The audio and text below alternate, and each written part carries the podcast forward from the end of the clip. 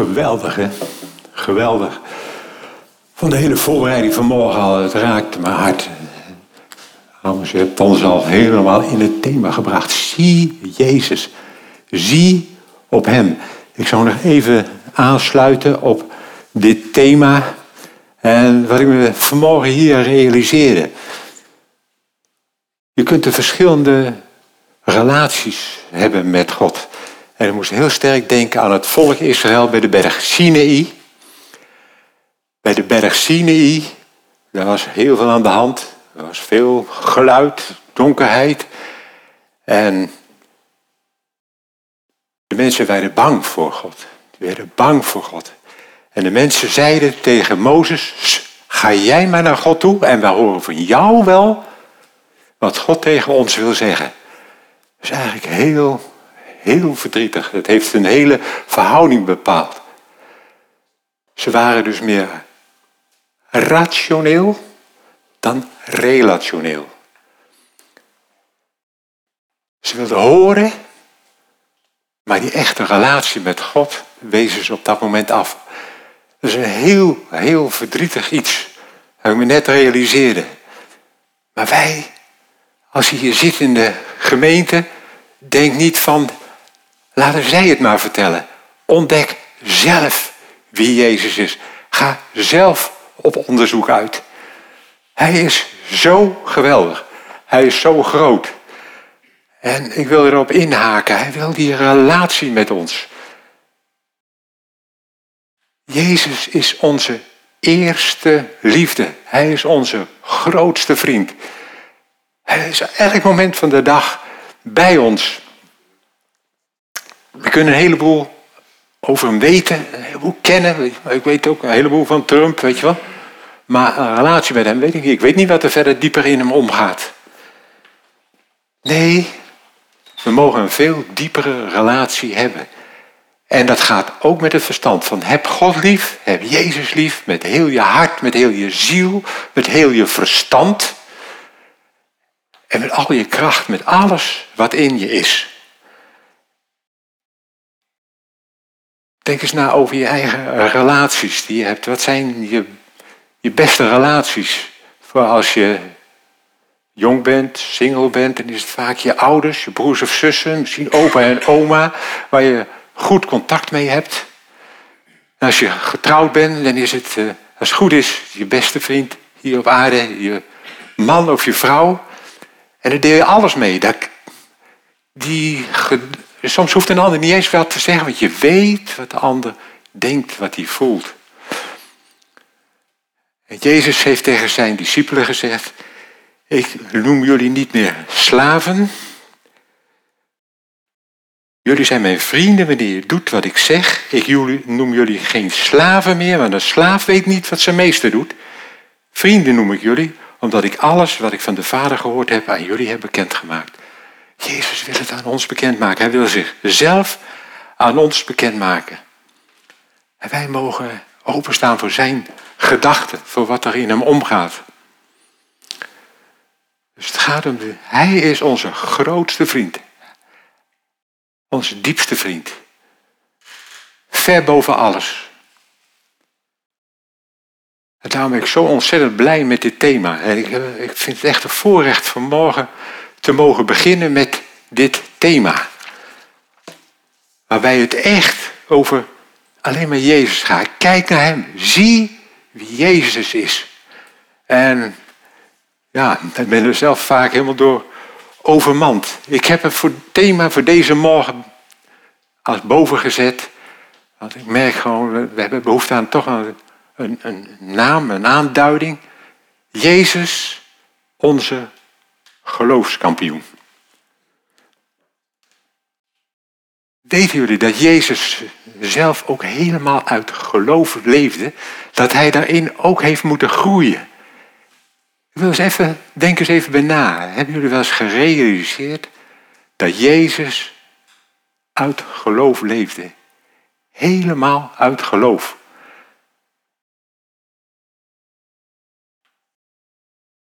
Hij moest ook opgroeien als klein kind. Hij moest ook leren lezen, leren schrijven. En dertig jaar lang heeft hij het woord bestudeerd onder leiding van God de Vader, van de Heilige Geest. En vanuit het woord, door te lezen, ontdekte hij, dat geloof ik hoor, ontdekte hij wie hij was. Hij wist natuurlijk dat er een roeping over zijn leven was, maar de details ontdekte hij in de Bijbel. En dus het hele woord staat vol van hem. En daardoor kan hij zo, kon hij zo spreken over dingen. Ja, maar heb je niet gelezen dit of dat, wat hem betreft. In Hebreeën 10, vers 7 staat Zie, in de boekrol is over mij geschreven om uw wil te doen, o God. Hij moest daarin groeien. Langzamerhand ontdekte hij steeds meer wie hij was. Er staat in Lucas 2, vers 52 en eerst 42, hij groeide in genade, in geloof. En in vers 52 staat, hij groeide in de genade van God en van de mensen. En een grote, maar dat hoort er allemaal ook bij. hij groeide. Uit die teksten, als je die leest, zie je van, is ook een groeiproces. Hij groeide in geloof.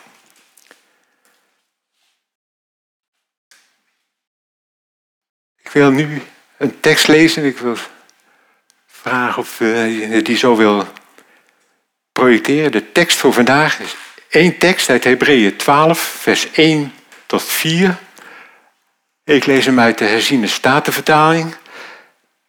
Wel nu dan, laten ook wij, nu wij door zo'n menigte van getuigen omringd worden, afleggen alle last en de zonde die ons zo gemakkelijk verstrikt. En laten wij met volharding de wedloop lopen die voor ons ligt. Terwijl wij het oog gericht houden op Jezus, de leidsman, de voleinde van het geloof. Hij heeft om de vreugde die hem in het vooruitzicht was gesteld, het kruis verdragen en de schande veracht en zit nu aan de rechterhand van God. Want let toch scherp op hem die zo'n tegenspraak van de zondaars tegen zich heeft verdragen, opdat u niet verzwakt en bezwijkt in uw zielen. U hebt nog niet ten bloedes toe weerstand geboden in de strijd tegen de zonde. Dit gedeelte wil ik centraal stellen. Zie je waar het over gaat? In vers 2, het eerste gedeelte. Terwijl wij het oog gericht houden op Jezus, de leidsman en de voleinder van het geloof. Het gaat over het geloof van Jezus. Dat is de kern van heel dit gedeelte. En er worden allerlei woorden voor gebruikt. Een leidsman, hij is de leidsman, degene die voorop gaat. In andere teksten wordt gebruikt, hij is de grondlegger. Hij is de oprichter van het geloof. In Engelse vertaling kom je heel veel tegen de author, de auteur, de ontwerper, de geestelijke eigenaar. Hij heeft hier de auteursrecht op. Hij is de basis en hij is de volbrenger en de voltooier van het geloof. Hij heeft het geloof compleet voltooid, zoals we zo meteen zullen gaan zien. En de basisbijbel die interpreteert het zo mooi met Hij is ons voorbeeld in het geloof. Of de Groot Nieuwsbijbel die ons op de weg van het geloof is voorgegaan. Jezus is in eigen persoon, heeft het geloof tot perfectie gebracht. En zo is hij het volmaakte voorbeeld voor ons geworden.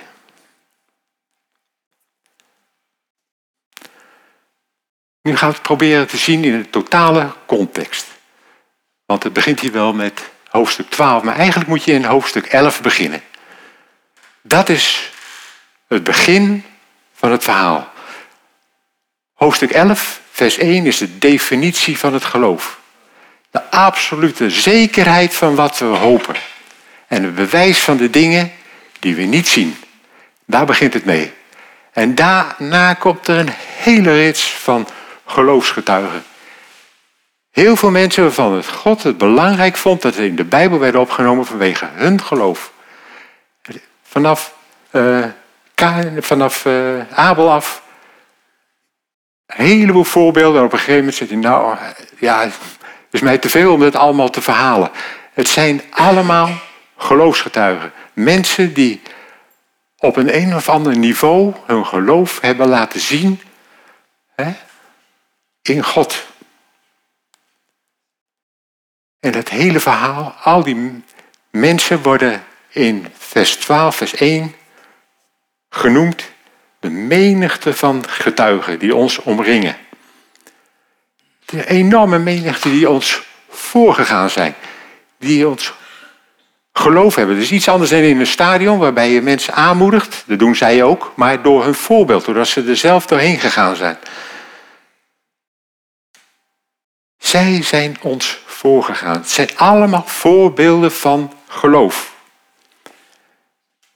En wat wordt er van deze mensen gezegd? Dat ze alle last hebben afgelegd. Vroeger, als er hard gelopen werd op de Olympische Spelen, gebeurde dat in een naki. De mensen liepen daar in een naki. We kunnen zien aan de tekeningetjes op vazen en dergelijke. Dan zie je dat ze in een naki liepen om gewoon alle last die maar in de weg lag, kon liggen, werd afgelegd. Zodat ze die wedloop uh, konden lopen. En wat is het einddoel? Het einddoel is het koninkrijk van God. Het einddoel is Jezus. Dat hebben wij voor ogen. Zij hadden God voor ogen.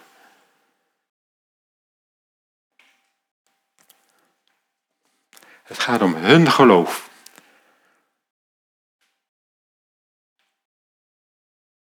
En laten we met volharding die wedloop lopen die voor ons ligt. En dan komt het kernvers van ons, terwijl wij het oog gericht houden op Jezus, de leidsman en voleinder van het geloof.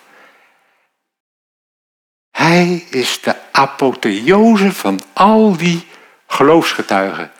Hij gaat daar ver bovenuit. Anderen zijn allemaal een voorbeeld voor ons. Maar hij gaat ver bovenuit. Het gaat bij hem veel hoger. Hij heeft veel meer voorbracht. Ik vind het zo ontzagwekkend. Wat hij gedaan heeft. Kijk naar hem. Hij is de grondlegger. En waarom?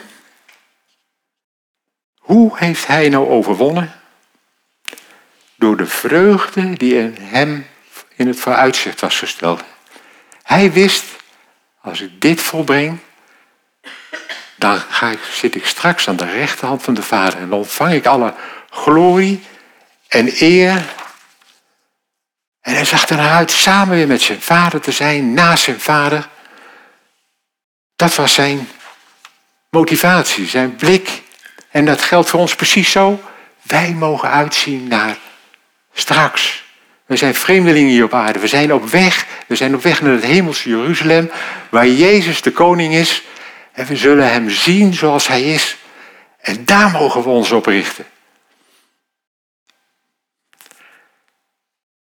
Hij heeft alles verdragen. Het kruis, wisten jullie dat hij daar ook naakt aan hing? Hij hing naakt aan het kruis. Hij heeft de schande veracht. Heeft het afgelegd. Maar oh, oh, dat denken we misschien, misschien zo makkelijk over. Maar als je leest wat er gebeurde in de hof van Gethsemane, dat is gewoon hartverscheurend als je het daar op je in laat gaan. Jezus heeft zo geworsteld. Zo geworsteld. Vader, indien het mogelijk is, laat deze beker dan aan mij voorbij gaan. Maar niet mijn wil, maar uw wil geschieden. Voortdurend. En hij leefde zo, er staat echt, hij was echt beangstigd. Nou, niet vergeten, hij was mens, net zoals wij mensen zijn. Hij was echt mens. Hij, kon, hij kan met ons meevoelen, de strijd die wij hebben. Maar die strijd die hij daar voerde was zo kolossaal. Voor mij onbevattelijk groot. Dat zijn zweetdruppels zelfs bloeddruppels werden. Ik vind het. Het is niet te omvatten. Het is niet te omvatten. De strijd die hij daar voerde Maar hij hield vast. Hij hield vast, vader, niet mijn wil, maar uw wil geschieden. Hij legde af alle last van de zonde. Wat was de zonde zou voor hem geweest zijn? Om niet Gods wil te doen. Nee, hij koos ervoor om Gods wil te doen. Let op hem. Zie hem. Zie hem. Let toch scherp op hem, staat er. Dat woord dat is vertaald. En ik wil even dat ene woord wil ik toch even toelichten. Want het woord staat in het Hebreeuws apoharoa. En er bestaat uit twee woorden. Apo en horara. Ho, ha, horao. Twee woorden. Woorden op zich zijn niet belangrijk, maar het zijn twee woorden. En het eerste woord betekent scheiding. En het tweede woord betekent zien. Dat is een beetje moeilijk te vertalen, dus we hebben het hier vertaald met scherp zien. Maar het betekent scheiden. Scheid je af van alles wat je afhoudt van Hem. Let niet op je omstandigheden. Let op Hem. Kijk, verleg je focus. Verleg je focus op Jezus. Kijk naar Hem alleen en probeer niet te kijken naar het andere. Nou, ik weet in mijn leven dat dat soms verschrikkelijk moeilijk is. Daar kan ik je hele voorbeelden van vertellen. Dat wil ik niet doen. Het is soms zo moeilijk om niet te letten op je omstandigheden. Er kan zoveel zijn. Hè? Kan voor school zijn, dat kunnen financiën zijn, dat kunnen relatieproblemen zijn. En die kunnen soms heel diep gaan en je zo ontzettend bezighouden. En ik besef, Heer, ik heb uw genade nodig. Ik wil gewoon mijn focus niet leggen op problemen, op omstandigheden, maar op u. Helemaal alleen op u. En daarom, ik heb een jaar geleden was even benoemd over, ging toen over de ware wijnstok. Eigenlijk in Johannes 13 tot 17 worden een paar uur van Jezus omschreven voordat hij wordt gevangen genomen. En de passie van Jezus die daarin ervaart. De liefde voor zijn apostelen. De dingen die hij nog aan ze kwijt moet. Dat is zo kolossaal, zo groot. En ik denk, als je zijn hart proeft. En hij zegt, ik heb ook met beleidschap naar uitgezien om dit avondmaal met jullie hier te vieren. Hij had er naar uitgezien. Hij, alles wat er voor hem lag, hij wist heel goed wat er voor hem lag, zette hij opzij en hij focuste alleen op de liefde voor zijn apostelen. De liefde van vader voor zijn apostelen. Ja, ik weet niet hoe met jullie is, maar ik denk, mensen, kinderen, dit gaat veruit, veruit. Waar we mogen groeien in geloof. Net zoals hij in stapjes heeft mogen groeien tot dit punt. En omdat hij dit gedaan heeft, staat er, even kijken hoor, ik vind het toch in Hebreeën 2, vers 9 staat, wij zien Jezus nu met heerlijkheid en eer gekroond als een resultaat van wat hij gedaan heeft. Maar in Hebreeën 5, vers 9 staat, door wat hij hier gedaan heeft, is hij volmaakt geworden. Hij is volmaakt geworden in het geloof. Door deze stap te doen is hij ons grootste voorbeeld. Ons kolossale voorbeeld. Hij is volmaakt geworden door wat hij heeft geleden. Dat was het eindresultaat van zijn hele uh, leven. En zo is het met ons ook. Uh, wij mogen met kleine stapjes beginnen als we luisteren naar God. Ze elke dag, elke dag luisteren naar Hem. Jezus zegt van iedere dag heeft genoeg zijn eigen kwaad. Of neem elke dag je kruis op. Dat heeft hiermee te maken. Dat heeft te maken met je geloof. Doe ik de wil van God? Sta ik in de wil van God? En dat heeft vaak consequenties. En dat is het kruis wat wij moeten dragen. Iedere dag weer. Iedere dag die keuzes maken. En hoe meer we die keuzes maken, hoe meer we gaan groeien in het vertrouwen van Hem. Dat zie ik in mijn eigen leven ook heel veel. Dat ik zie wat God doet. Dus dan ben ik helemaal ondersteboven denk, Heer, dit is duidelijk van u. Wat een wonder wat u doet in mijn leven. Dat u mij vrede geeft over situaties, over oplossingen of wat dan ook. Maar we mogen, en dat geeft mij vertrouwen. Ik kan u meer en meer vertrouwen en eh, aan hem delen. En hij zal je helpen. Zo mogen we stap voor stap groeien in geloof. Even een slokje.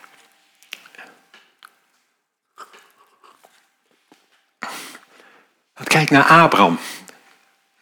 Mocht ook rustig beginnen. God riep hem uit het land en hij gehoorzaamde. En zijn hele leven door allemaal stappen die hij nam waarin hij God vertrouwde. Iedere keer God vertrouwde. Hij kreeg Isaac op geloof. En daardoor kon hij uiteindelijk, uiteindelijk zijn zoon op dat offer leggen. Iets wat helemaal niet paste bij God. Hij begreep er helemaal niks van. Maar hij vertrouwde God. Maar hoe kwam hij zover? Omdat hij al die stappen had hij gezien wat God in zijn leven gedaan had. En daardoor kon hij dat doen. Hebreeën staat er zelfs in gedachten van God kan hem zelfs nog uit de doden opwekken. Wat een geloof, een kolossaal geloof. En daarom is hij ook gerechtvaardigd en onze vader in het, in het geloof geworden voor Jezus.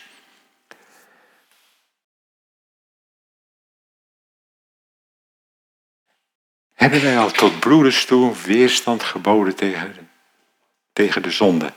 Jezus is daarom ons voorgegaan.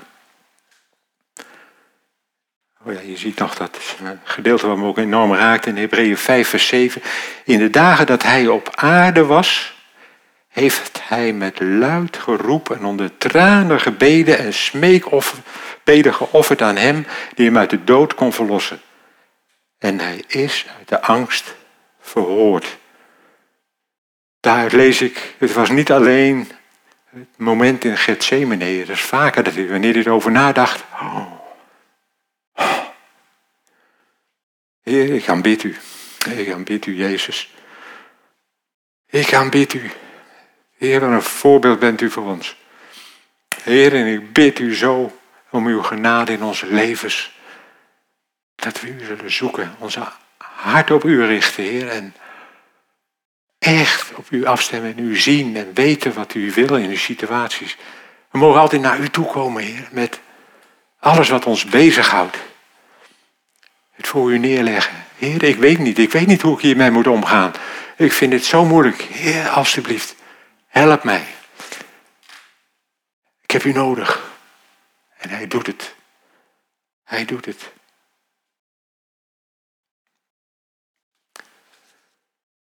Ja, hij is ons voorbeeld. Zie Jezus.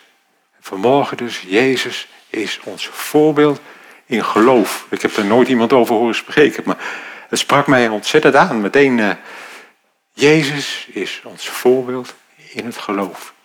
Zie op Hem. En daar wil ik jullie mee, uh, mee zegenen. Amen.